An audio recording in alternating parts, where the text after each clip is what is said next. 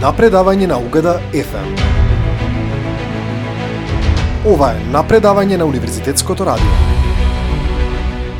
Добар ден, почитувани слушатели. Јас сум Сара Денкова, студент на Факултетот за медицински науки, четврта година. Голема е честа и задоволството што ние студентите сме во фокусот на овие емисии, со тенденција да допреме до вас слушателите, да ги споделиме нашите искуства и се оно со кое што се соочуваме во текот на секојдневието. Се надеваме дека ќе останете со нас до крајот на нашата емисија и дека ќе уживате во инспиративниот разговор со нашата денешна гостинка Памела Реджеповска, студентка која што е дипломирана на факултетот за информатика и која што остави на вистина еден траен белег во текот на незиното студирање. Сега, студентите предаваат Ова е напредавање на Угада ФМ. Понатаму ќе продолжиме да разговараме за некои теми од секојдневието, што се надевам дека ќе бидат интересни за вас, а и секако за најактуелната тема помеѓу студентите, за тоа колку ли пари трошат месечно студентите кои што живеат дома, кои што живеат во студентски домови или оние во приватен смештај. Интересни теми за денес, драги слушатели, се надевам дека ќе уживате во нашата прва емисија, која што се вика на предавање со. А вие денес сте на предавање со мене и се надевам дека ќе останете до крајот на мојата прва емисија. Ова е напредавање на Угада FM. Денот е секогаш подобро да го започнеме со кафе и со поедна убава мисла од нашите познати инспиратори. Како што вели Мартин Лутер Кинг Јуниор, функцијата на образованието е да не научи да размислуваме интензивно и да размислуваме критички. Интелигенција плюс карактер Тоа е целта на вистинското образование. Образованието е главна водилка на патот на успехот на секој студент, и затоа секој студент треба да чекори по истиот. На нашиот универзитет постојат голем број на студенти кои што постојано се движат низ тунелот на образовниот процес за на крајот да ја пронедат светлината на денот. Останете со нас, драги слушатели, и уживајте во инспиративниот разговор со нашата студентка Памела Реджеповска. Ова е напредавање на Угада FM. Напредавање на Угада FM. Ова е напредавање на Универзитетското радио. Ова е напредавање на Угада FM. Памела Раджеповска е сегашен дипломиран студент со просек 10.00. Таа е една од најдобрите студентки која што го заврши факултетот за информатика со највисок просек. Покрај студирањето и добивањето на максималните оценки, Памила исто така има освојувано и голем број на награди на настани од секаков едукативен карактер. Бидејќи ние денес имаме доста развиена технологија, одлучевме преку Вибер на гласовна порака да направиме едно кратко интервју со Памила и да ја поставиме неколку прашања на кои што таа се надевам ќе одговори и се надевам дека ќе бидат доста инспиративни и ќе ги потикнат студентите да можат и тие да користат никаков пример во текот на нивното студирање. Памела, неодамна ни беше наградена за најдобар студент и имавте можност да го искажете вашиот став за наградите, за просекот и за инспирацијата која што ја добивате од нашиот факултет. Па би ми било чест доколку во мојата денешна прва емисија успееш да допридонесеш до студентите и да допреш до нив за да можат и тие да ги следат твоите чекори, за исто така да имаат еден голем успех како твојот. Во рамки на патрониот празник, УГТ дополнително го зацврсти своето место како престижен универзитет во државата, со тоа што уште еднаш покажа дека нуди исклучителен професионален кадар за пазарот на трудот. Би сакала да искористам оваа шанса уште еднаш да им честитам на сите, почнувајќи од студентите и продолжувајќи до професорите, асистентите, деканите, ректорите и вработените. Никогаш не се фокусирав да бидам најдобра студентка за време на моето образование. Наместо тоа сакав да напредувам и лично и професионално. Сепак, според мене, наградите играат значајна улога во животот на студентите. Тие се одличен пристап за славање на напорната работа и успехот за време на нивните академски студии. Прво освоената награда на минатогодишната прематијада ми отвори многу врати во професионалниот свет но дополнително ме научи и дека ништо не е невозможно и дека трудот секогаш се препознава на вистинското место. И најмалото признание делува како голема мотивација за самиот студент, а ги потикнува и останатите студенти да работат уште понапор. За сите останати тоа е само обичен сертификат или награда, но они што се ценети го гледаат тоа како чест. Угада секојдневно ја оправдува довербата и е одлично место за почиток на успесите на најуспешните, најспособните и најамбициозните. Ова е напредавање на Угада FM. Драги слушатели, Успеавме на кратко да ги слушнеме мотивационите зборови на Памела и се надеваме дека истите ќе успеат да допрат до секој студент да во текот на студирањето си се посвети и си го надогради своето знаење и го траектира патот на успехот. А сега вие уживајте во добра музика од нашите познати изведувачи и повторно ќе се навратиме на краток разговор со Памела.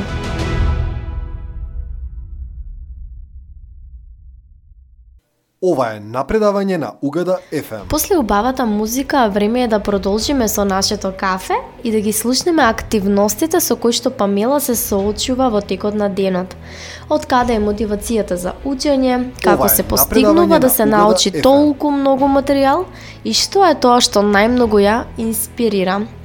Памела, Ти си истрајна, посветена и одлична студентка и за да се постигне толку голем успех во образованието, најверојатно постои некоја тајна за успехот.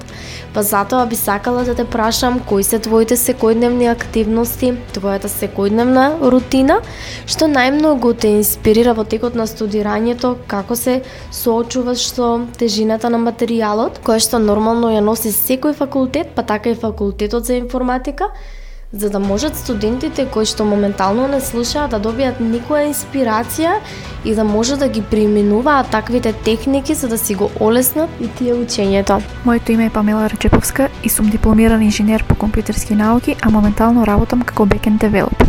Во слободно време обожувам да читам книги, да изгледам некоја добра корејска серија и да прочитам. Што и да работам, инспирација наоѓам во непознатот, во можноста да научам нешто ново и во можноста да пораснам како личност.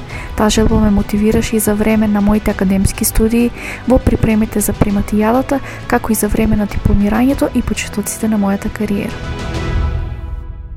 Позитивната енергија од студентите кои што се задоволни од постигнатиот успех низ призмата на образованието е неизмерлива.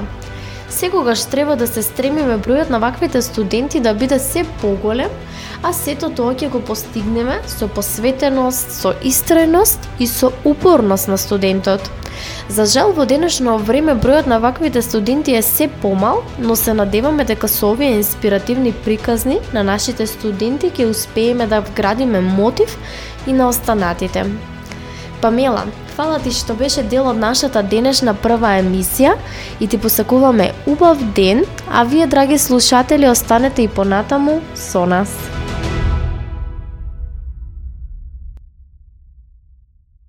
Ова е напредавање на Угада FM. Ова е напредавање на Угада FM. Ова е напредавање на Угада FM. Ова е напредавање на Угада FM. Почитувани слушатели, ви благодариме што се уште сте со нас за најновите информации кои што се случуваат денес. Може да ги заследите нашите Инстаграм профили УСС Угада Гоце МК и Угада FM, а исто така и официјалните Facebook профили. За се она кое што нешто ќе го пропуштите да го слушнете денес, може да го прочитате таму а ние ќе се потрудиме да уживате во остатокот од нашата денешна емисија, но не само денес, туку секојдневно во овој период од денот. Пуштете го вашето радио во вашиот автомобил, на работа или дома и уживајте со студентите од емисијата на предавање со. Ова е напредавање на Угада FM. Добре дојдовте во програмата на Универзитетското радио Угада ФМ. Собственик на Угада ФМ е Универзитетот Гоце Делчев Штип. Главен и одговорен уредник на Угада ФМ е Игор Стојанов. Универзитетското радио можете да го контактирате преку телефонскиот број 032 550 091 или преку имејл на ugadafm.ugada.edu.mk. Адресата е Крстен Мисирков 10А 2000 Штип. Контактирате со нас и преку социјалните мрежи. Најдете не на facebook.com косацрта угада.фм и instagram.com косацрта угада.фм. Одговорно регулаторно тело е Агенцијата за аудио и аудиовизуелни медиумски услуги на Република Северна Македонија. Продукција Угада ФМ 2023 година. Ова е напредавање на Угада ФМ. Ова е напредавање на Угада FM. Во денешно време сме сведоци на револтот и разочарувањето на младите луѓе кои што почнуваат да губат верба во образовниот систем бидејќи без разлика на тоа каков успех имале тие не може да го најдат своето работно место, се почесто се согледува дека нивниот труд не се цени и постојано се сведоци на различни неправди во општеството. Ние денес Добре, дојдовте во програмата на Универзитетското радио Угада ФМ. Собственик на Угада ФМ е Универзитетот Гоце Делчев Штип. Главен и одговорен уредник на Угада ФМ е Игор Стојанов. Универзитетското радио можете да го контактирате преку телефонскиот број 032 550 091 или преку имејл на ugadafm@ugada.edu.mk. Адресата е Крста Висирков 10А 2000 Штип. Контактирате со нас и преку социјалните мрежи. Најдете не на facebook.com косацрта ugadafm и instagram.com косацрта ugadafm. Одговорно регулаторно тело е Агенцијата за аудио и аудиовизуелни медиумски услуги услуги на Република да Северна Македонија. Продукција Угада ФМ 2023 година. Ќе е добро до студентите и дека ќе ја освежат желбата да продолжат понатаму низ образовниот процес. Ова е напредавање на Угада ФМ. Ова е напредавање на Угада ФМ. И уште еден проблем со кој што многу често студентите се соочуваат во текот на образовниот процес е токму најглавниот – како да ги положат своите испити. Според некои информации кои што ги имаме од нашите студенти, станува збор за така наречени ситници, на кои што може би тие доволно не ни обрнуваат внимание. Сигурно се прашувате што е тоа. Сега, накратко ќе ви ги објасниме ситниците кои што не ги замарувате и се може би една од причината и да не се положи вашиот испит. Најчесто, студентите размислуваат премногу, се обидуваат да се сетат на одреден одговор и остануваат без време на крајот од тестот, иако може би знаат други одговори. Никогаш не правете го тоа. Прво секогаш размислувајте го она што го знаете, а за крај оставете го она која што не го знаете. Студентите најчесто кога не го знаат точниот одговор или кога знаат премногу, пишуваат апсолутно се што ќе им падне на памет во тој момент. Никогаш не правете го и тоа, затоа што некои професори ја бараат само суштината на одговорот, а не опфаќањето на подетална содржина. Ова е напредавање на И уште една грешка која што многу често ја прават студентите и може би се смета за тешка грешка, е грешката што никогаш не ги дочитуваат прашањата до крај или можеби невнимателно ги читаат прашањата. Затоа, треба најпрво да го прочитате внимателно вашето прашање, а потоа да дадете соодветен одговор на истото. Се надеваме дека овие издвоени грешки ќе ги поправите во иднина и вашиот број на положени испити ќе биде поголем.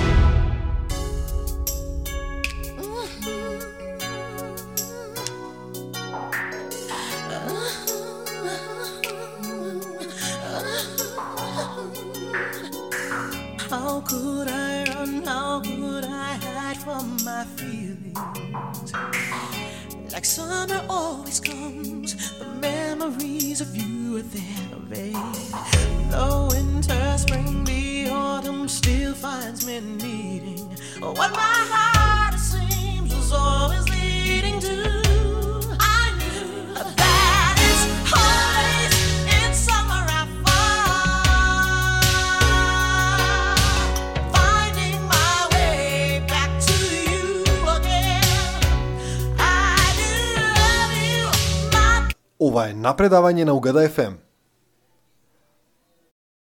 Ова е напредавање на Угада ФМ. А сега, драги слушатели, продолжуваме со нови интересни информации за кои што може би и досега не сте слушнале. Неотамна од Кина има информација дека кинезите доктори оперираат со 5G. Кинески хирург успешно отстранил во спалено жолчно кесе од пациентка која што живее дури и лјадници километри подалеку од северозападна Кина.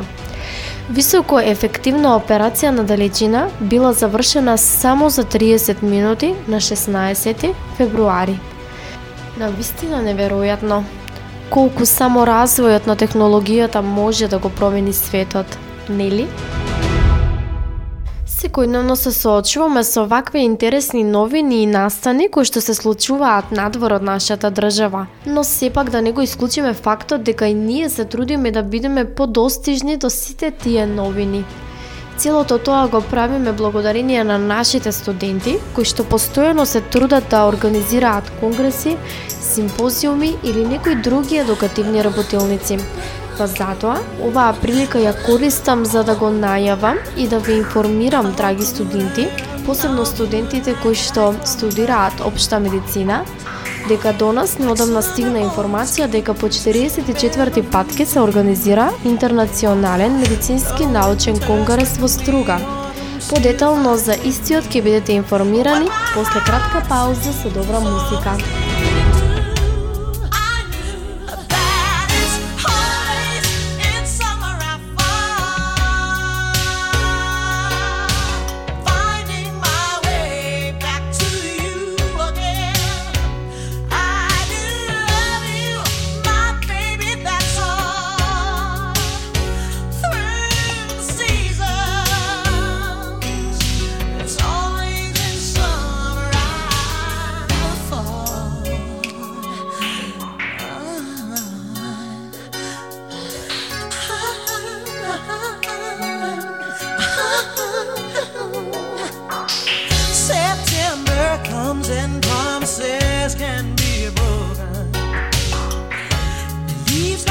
and down, but my love is standing strong and tall.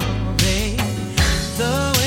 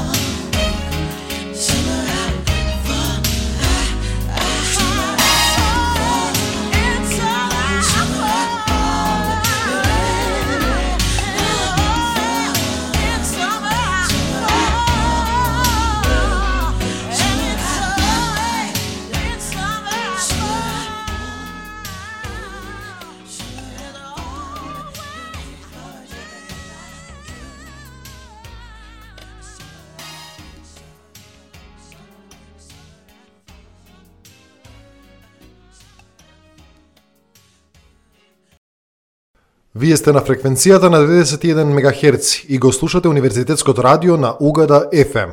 Угада FM Универзитетско радио во собственост на Универзитетот Гоце Делчев од Штип. Следете не на социјалните мрежи преку facebook.com косацрта Угада FM и instagram.com косацрта Угада FM. Повторно се враќаме назад и ќе ви дадеме информации за конгресот кој што ќе се одржи во Струга, во хотел Дунав, со вклучено мени и опционален превоз по цена од 100 до 200 евра. На конгресот ќе присуствуваат различни доктори од различни области кои што ќе ги одржат предавањата и работилниците.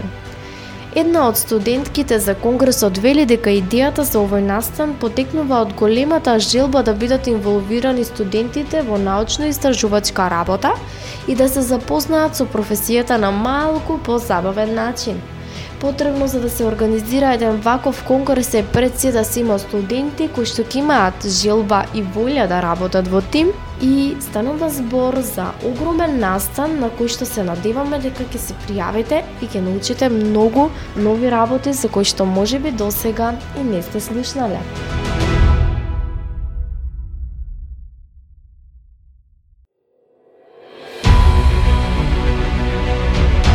Напредавање на Угада FM. Ова е напредавање на Универзитетското радио.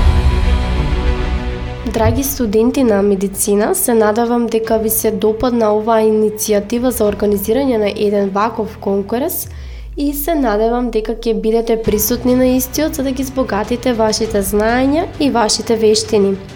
Како што кажавме и предходно денес технологијата е толку многу развиена, што многу млади Вие сте на фреквенцијата на 91 МГц и го слушате Универзитетското радио на Угада FM. Угада FM Универзитетско радио во собственост на Универзитетот Гоце Делчев да Штип. Следете на социјалните мрежи преку facebook.com косацрта Угада FM и instagram.com косацрта Угада FM. Повеќе вештини и знаења во различни области. Тоа се апликациите Quizlet, Khan Academy. Тоа е бесплатна онлайн платформа која што овозможува учење и нуди широк спектар на курсеви за различни теми, вклучувајќи и математиката, науката и некои други хуманистички науки, Grammarly, Duolingo и Google Drive, апликации кои што овозможуваат зголемување на продуктивноста базирана на клауд, која што може да биде толку многу корисна за студентите, посебно пак за оние кои што студираат на информатика. Користете ги овие апликации и мислам дека нема да имате никаков проблем во иднина за креирање на вашите семинарски, за креирање на вашите дипломски трудови и се надевам дека нема да ви бидат достапни и дека секојдневно ќе продолжите да си ги користите истите.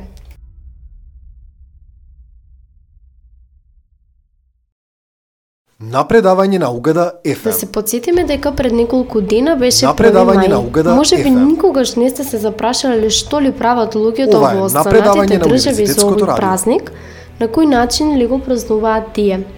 Па денес сме овде за да откриеме кои се тајните на останатите држави и како тие го слават 1 мај. Почнуваме со Германија и Шведска, каде што традицијата вклучува танцување околу висок столб кој што е украсен со различни цвеќиња, украси и панделки.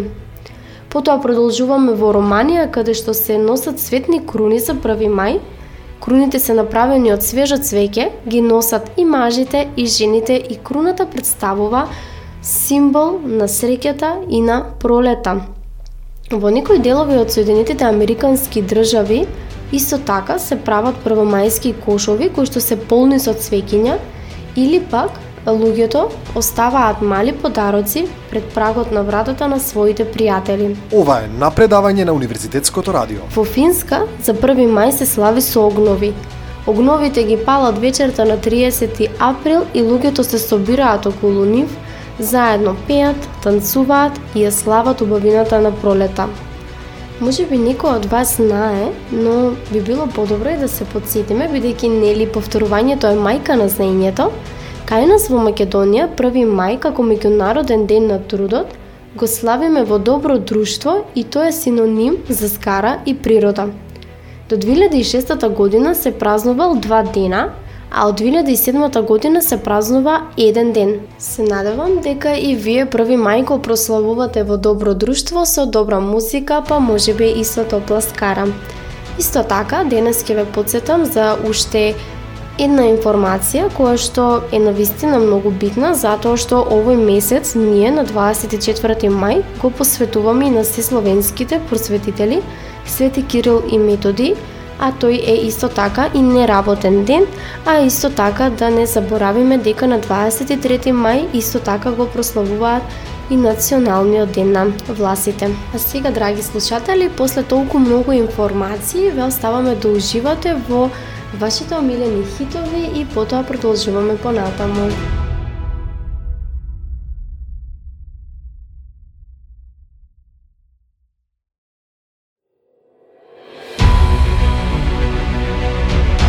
Напредавање на Угада FM. Ова е напредавање на Универзитетското радио. После мало подсетување за тоа што нуди убавиот месец мај и после убавата музика во која што уживавте вие во месец мај, ние сега сме спремни да ви соопштиме информација која што неодамна ја добивме и која што најмногу ќе ги израдува студентите, а тоа е дека студентскиот оброк е покачен на 140 денари дневно, нешто за кое што толку многу се зборуваше, толку многу студентите се бореа за на крајот да го добијат тоа за кое што инициираат. Собраниските пратеници ги изгласаа измените на Законот за субвенционалниот студентски оброк со што возможија да продолжи исплатата на средства на студентите по оваа основа која што престана во месец март. Според измените, субвенцијата за оброкот од април изнесува 140 денари дневно, наместо до сегашните 120 денари. Студентите до крајот на оваа академска година средствата ќе ги добијат на месечно ниво на своите трансакцијски сметки. Според пресметките, бидејќи април броеше 17 работни дена, овој месец студентите ќе добијат 2380 денари. Од септември пак треба да се почне со примена на системско решение со кое што студентите преку дигитални картички ќе добиваат субвенционален оброк кај ресторани, угостители, до тогаш Министерството на образование и наука МОН треба да избере банка која што ќе биде носител на тој платен промет преку кој што ќе се плаќа субвенционалниот студентски оброк и кој што ќе изработи дигитални картички со кои што ќе може студентите да купуваат оброци кај угостителите. Новина е тоа што освен само во работните денови во месецот, како што е и до сега, од септември студентите ќе може да купуваат субвенционален оброк секој ден од понеделник до сабота, но и на верски празници, што значи дека од следната академска година купниот месечен износ ќе биде поголем од сега.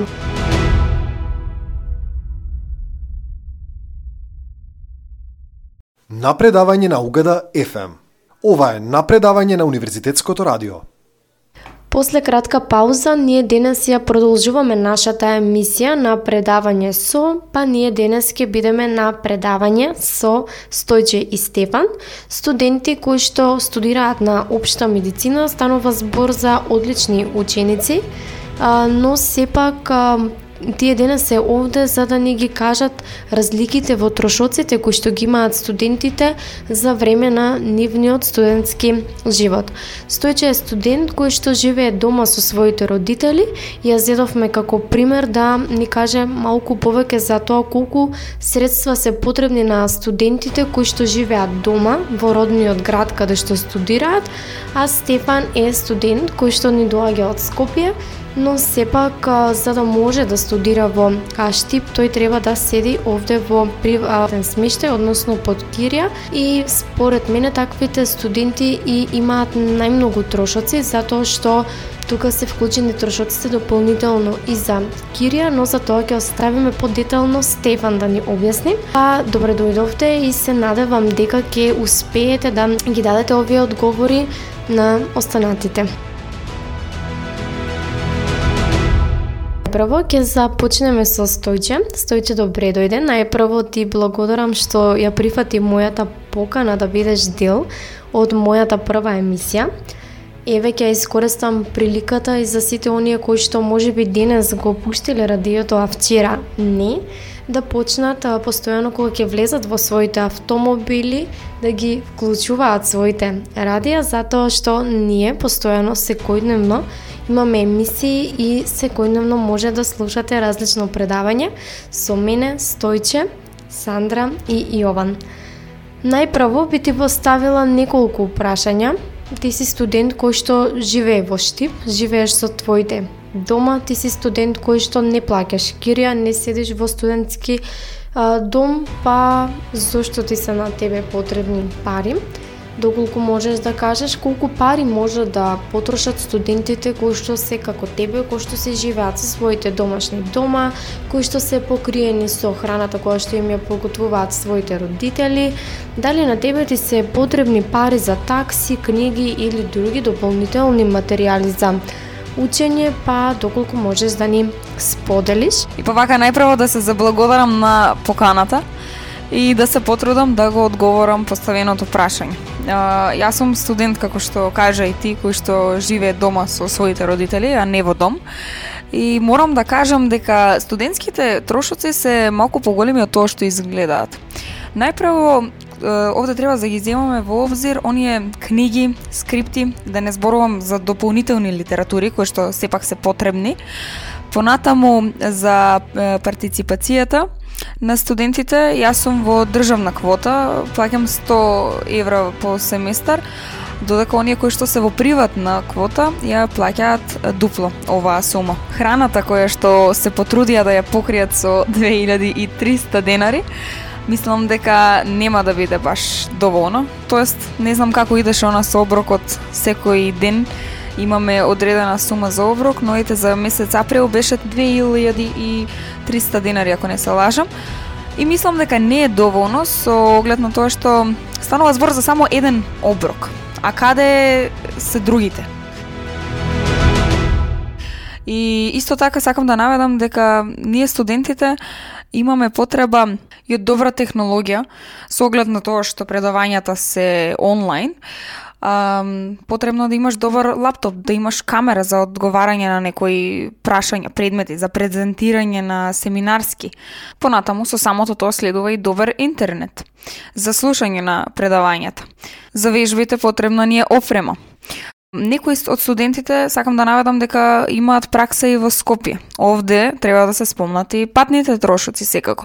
Така што мислам дека е, мојот одговор на твоето прашање колку е онаа парична сума што му е потребна на еден студент месечно е минимално некаде околу 12.000 денари. Може некој ќе рече многу е тоа, зашто толку, но ете јас како студент што не живее во дом, сепак не плаќам храна, вода, струја, мислам дека тоа е она минимална сума која што би можела да ја издвојам. За некој може би зачудувачки, а за некој може би и изненадувачки. Но сумата на пари која што им е потребна на студентите за да може да го поминат месецот е таква каква што е. Напредавање на Угада FM. Ова е напредавање на Универзитетското радио. За жал или за среќа, според некој, оброкот и стипендиите се сосема доволни да покријат дел од нашите трошоци кои што ги имаме во текот на месецот, но според некој, ниту оброкот, ниту стипендиите не се доволни да се покријат трошоците кои што ги има еден студент месечно. Ви благодариме што бевте денес со нас, А ние денес ќе успееме можеби преку хороскопските знаци да ви доловиме сликата за тоа колку би можеле да имате среќа во месец мај да бидете финансиски стабилни. Напредавање на Угада FM. Здраво Сара, ти благодарам на поканата. Чест и задоволство ми е да бидам твој гостин. Токму така како што кажа, додека престојував во Штип, Извојав 4000 денари од семејниот буџет. Зошто семеен буџет? Поради тоа што моите родители ми издржуваа а, како дел од кирија.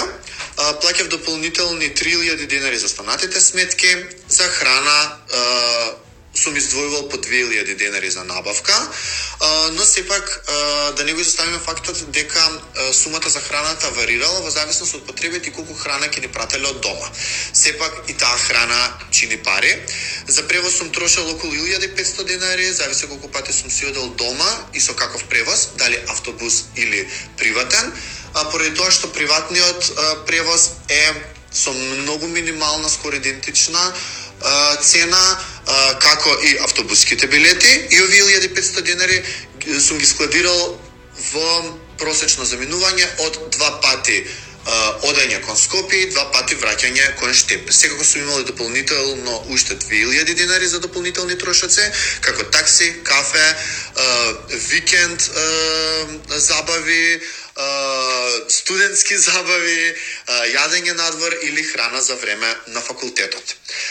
Ти благодарам на поканата, се надевам дека ги дадов потребните информации кои ги побарат мене.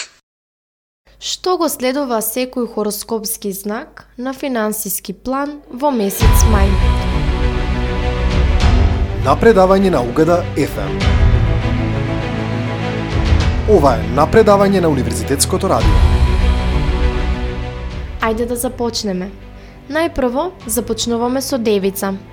Вашата напорна работа ќе се исплати и ќе ви донесе заработка. Во месец мај може да добиете унапредување или покачување на вашата плата. Лав. Овој месец ќе биде добар за кариерата и финансиите на луѓето кои што се родени во знакот на лав. Особено по 15 мај ви следи подобрување на финансиската состојба. Рак. Родените во знакот на рак ќе бидат разочарани на почетокот на мај, барем на финансиски план. Близнаци. Близнаците ќе добијат нови можности за работа кои што не смеа да ги пропуштат. Бик. Овој месец ќе треба да се потрудите многу за да заработите. Ако имате собствен бизнис, работите најверојатно ќе одат многу бавно, па и профитот ќе ви биде за жал на вистина мал. Рак. Родените во овој знак ќе бидат разочарани на почетокот на мај на финансиски план. Овен. Првата половина на мај нема да биде толку многу поволна на финансиски план, ќе имате големи работни притисоци, но и предизвици, а нема да добиете ништо за возврат. Вага. Не откажувајте се од работите што ги работите, бидејќи од средината на месецот ве очекува голем профит. Шкорпија. Поради одредени пропусти и грешки кои што ги правите постојано во работата, можно е да бидете финансиски казнети. Стрелец. Овој месец некои стрелци ќе бидат унапредени на работата, а тоа ќе им донесе и многу повеќе пари. Олија. На почетокот на месецот ќе имате интересна можност за промена во вашата кариера, па затоа не пропуштајте ја, бидејќи со тоа ќе имате изголемен приход. Јарец. Јарците нема да заработат премногу пари во мај, но нема да имаат ниту загуба. Риби. Рибите ќе имаат голем притисок на работа и големи финансиски очекувања, но резултатите кои што ќе ги добијат ќе бидат разочарувачки. Се надевам дека ви го погодивме денес вашиот хороскопски знак и се надевам дека финансиските приливи за месец мај ќе бидат на ваша страна. Од сите овие хороскопски знаци кои што ги набројавме, три од нив се раѓаат жени кои што имаат најмногу пари и кои што сакаат можеби најмногу пари, а тоа се бик, стрелец и вага. Жените кои што го носат хороскопскиот знак вага, сакаат да живеат добро, а да работат минимално. Имаат вкус за луксузни работи и со задоволство бираат уметнички дела и квалитетни парчиња на облека. Стрелците пак сакаат да се однесуваат лежерно, да не работат, а при тоа да добиваат пари. Биковите пак имаат навика толку многу да го трошат својот буџет, те имаат некои романтични цели и често банкарската сметка им страда поради тоа. Се надевам дека барем некои од овие карактеристики кои што ги имаат хороскопските знаци ви ги погодивме, а сега ќе вас ставиме понатаму да уживате во добра музика и потоа продолжуваме понатаму. И покрај тоа што денес успеавме да слушнеме колку многу пари им се потребни на студентите кои што живеат во приватен смештај, кои што живеат дома со своите родители, тешко еден студент на оваа состојба која што се случува денес да може да обстане, но затоа пак во секое добро постои и лошо и во секое лошо постои и добро.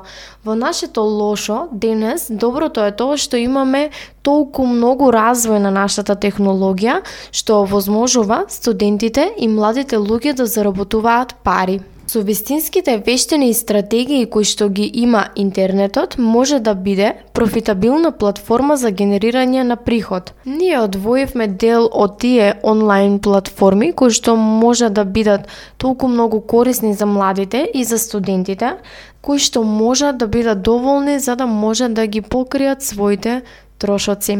Најпрво би започнала со Upwork, Fiverr, TaskRabbit, кои што нудат многу можности за младите да заработат пари. Студентите може да ги искористат своите вештини и експертиза во областите како што се пишување, графички дизајн, кодирање, управување со социјалните медиуми и виртуелна помош за да можат да понудат услуги и да заработат пари.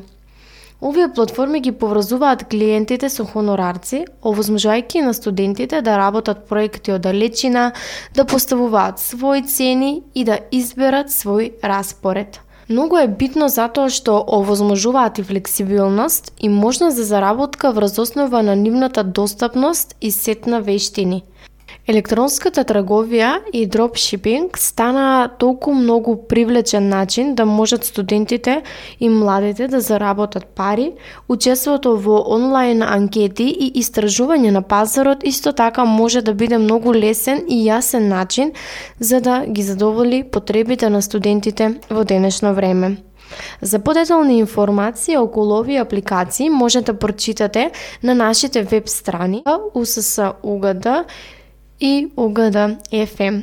Се надеваме дека ќе ви помогнат, а исто така ова нека биде и едно мало подсетување за да може да ги заследите и понатаму да ги читате најновите информации кои што секојдневно ги објавуваме. Повторно се враќаме назад и повторно младите се во фокусот на нашата емисија денес – Се повеќе сме сведоци за тоа дека младите сакаат да ја напуштат нашата држава, дека не се пронаоѓаат во неа, но сепак воведувањето на флексибилното работно време, укинување на данокот на доход за фриленсерите, спроведување на процесот на преквалификација, дополнителна стимулација за отварање и интересна комуникација помеѓу образовниот сектор, пазарот на трудот, младенските организации и државата се добар почеток за излегување во пресред на младите и на нивните потреби.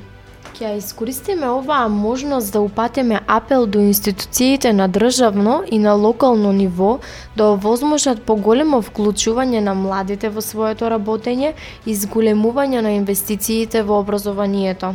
Ако сакаме намалување на иселување на младите, мораме да се посветиме посебно и посебно да обратиме внимание на градењето на соодветни политики и партнерства помеѓу јавниот и приватниот сектор кои што ќе им го олеснат, а не отежнат животот во Македонија на младите.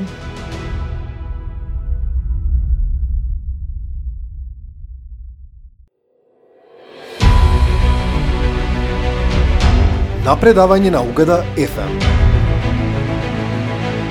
Ова е напредавање на Универзитетското радио. Се надеваме дека барем малку успеавме да ви го разубавиме денот со оваа убава информација која што ги засега студентите, а сега уште една информација упатена токму до студентите.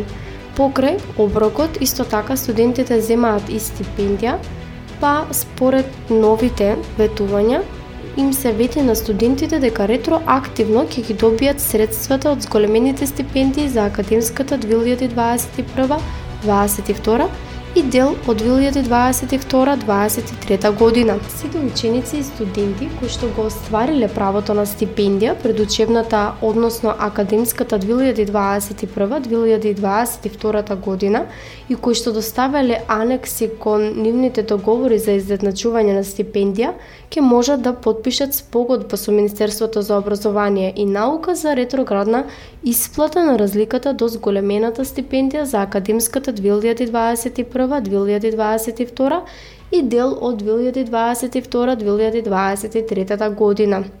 Износот на разликата за студентите ќе се надомести преку две исплати, односно еден дел ќе им биде префрлен на трансакцијските сметки во октомври 2023 година, а вториот дел во февруари 2024 година додека за учениците износот на разликата до зголемување на стипендиите ќе се исплати во октомври 2023 година.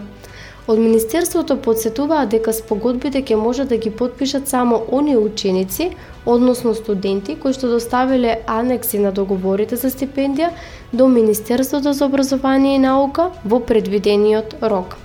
Се надеваме дека покачувањето на стипендиите и нивното изедначување, исто така вклучувајќи го и оброкот за студентите е од толку многу големо значење во однос на инфлацијата која што се случува во нашата држава денес.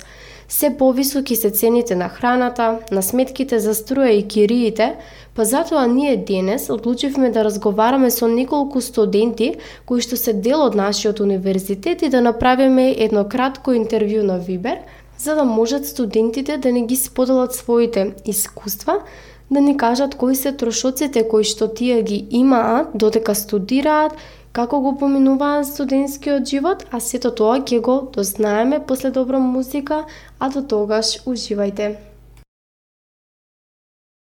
Како што започнавме со младите, така најверојатно и ќе завршиме со нив, но за жал со проблемите со кои што се соочуваат младите биле направени голем број на истражувања кои што покажуваат дека две третини од младите никогаш не биле вклучени или воопшто консултирани од страна на институциите, а дури 8 од 10 млади сметаат дека властите делумно или воопшто не се грижат за потребите на младите. Националниот младенски совет на Македонија, заедно со уште неколку други невладени организации, ги потикнува младите да прашуваат и да се активираат во своите локални средини за средствата кои што по закон закон ги следуваат. Неодамна имаа и компанија на социјалните мрежи каде што ги информираат младите за нивните законски можности. Согласно законот за младенско учество и младенски политики, секоја општина е должна да издвои 0,1% од својот буџет за активностите на младите. Од Националниот младенски совет во Македонија даваат совет постојано младите да се консултираат, да даваат препораки за да можат директно да влијаат на креирањето на младенски политики во нивната локална заедница и да ја зголема транспарентноста на општината спрема младите. Според голем број на истражувања кои што се направени, младите не се задоволни од квалитетот и политиките за младите луѓе, политиките во однос на здравството, образованието, поработувањето, домувањето и културата.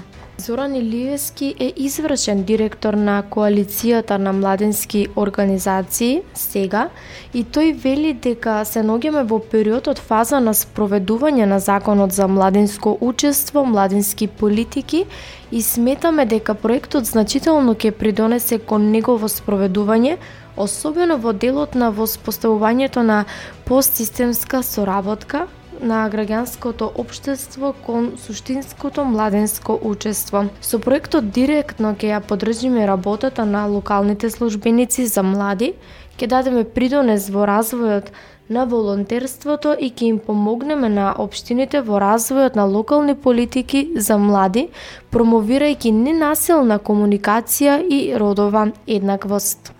Софија Георгиевска, главниот истражувач за почетната студија за младински трендови, вели Квалитетот на животот и перцепцијата на младите за иднината во нашата држава не е на завидно ниво и младите сметаат дека платите се ниски, а цената на производите расте што ја отежнува ситуацијата да имаат стандард на животот како што тие посекуваат. За жал, во денешно време на вистина младите се соочуваат со овој проблем и потребно е да се покрене една голема иницијатива од сите младински здруженија за целиот тој проблем да се искорени и младите да бидат во фокусот на постоењето во нашата држава.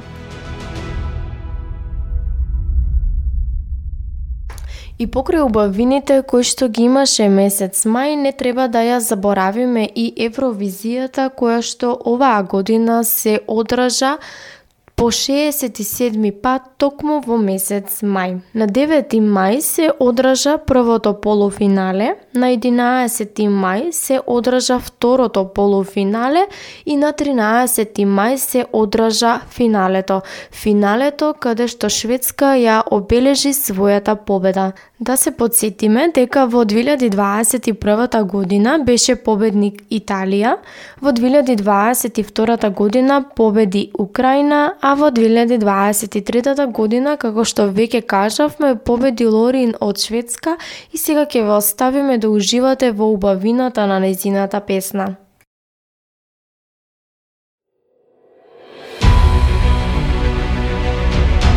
Напредавање на угада FM.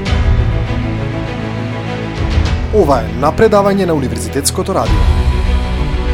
Драги слушатели, се надевам дека уживавте во победничката песна, а сега ние се приближуваме кон крајот на нашата емисија на предавање со. Доколку ви беше интересно денес, сутре повторно се вклучите и повторно бидете на предавање со некој од останатите предавачи.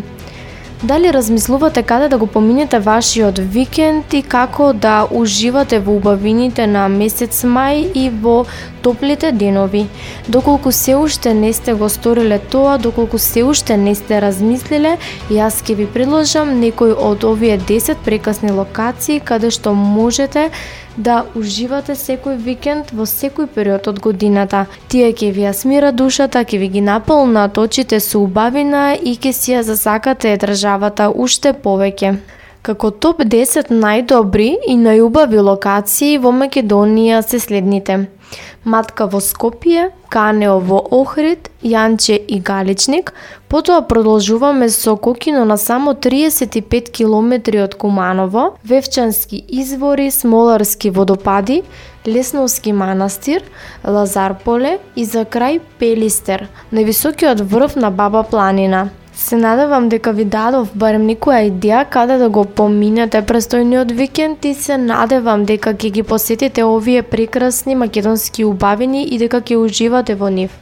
Ви благодарам што бевте дел од мојата емисија и сега само едно мало подсетување доколку не е проблем, а секако не представува ниту наш проблем, доколку го земете вашиот мобилен телефон и доколку ги заследите нашите Инстаграм профили. Радио FM, ГЦМК и УСС Угада. Исто така и нашите Facebook профили. Таму можете да ги следите сите наши нови активности, изработки, организации, а секако и подсетувања да не следите секојдневно и да не слушате секој работен ден со почеток од 12 часот. Имајте убав ден и уживајте со познатите хитови до крајот на денот.